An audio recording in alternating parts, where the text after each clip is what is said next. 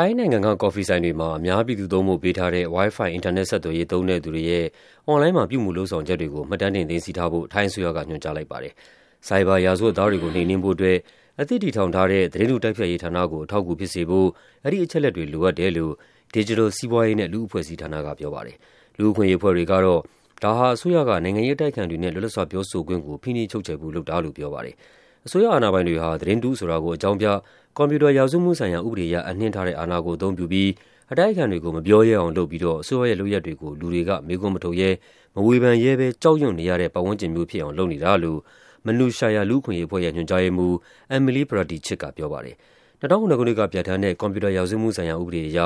အင်တာနက်ဆက်သွယ်ရေးဝန်ဆောင်မှုပေးတဲ့ ကုမ္ပဏီတွေအားလုံးဟာ အသုံးပြုသူတွေရဲ့ အွန်လိုင်းပြုမူလုပ်ဆောင်ချက်တွေကို ရက် ၉၀ထိ သိမ်းထားရမှာပါ။ဒါမှမဟုတ် အာဏာပိုင်တွေက ညွှန်ကြားတယ်ဆိုရင်တော့ တနှစ်ထိ သိမ်းထားရမှာဖြစ်ပါတယ်။ဒါပေမယ့်လည်း ကော်ဖီဆိုင်လို အများပြည်သူနဲ့ဆိုင်တဲ့နေရာတွေမှာ အခမဲ့သုံးခွင့်ပေးထားတဲ့ WiFi တွေနဲ့ ပတ်သက်လို့တော့ အခုလိုညွှန်ကြားတာက ပထမဆုံးဖြစ်ပါတယ်။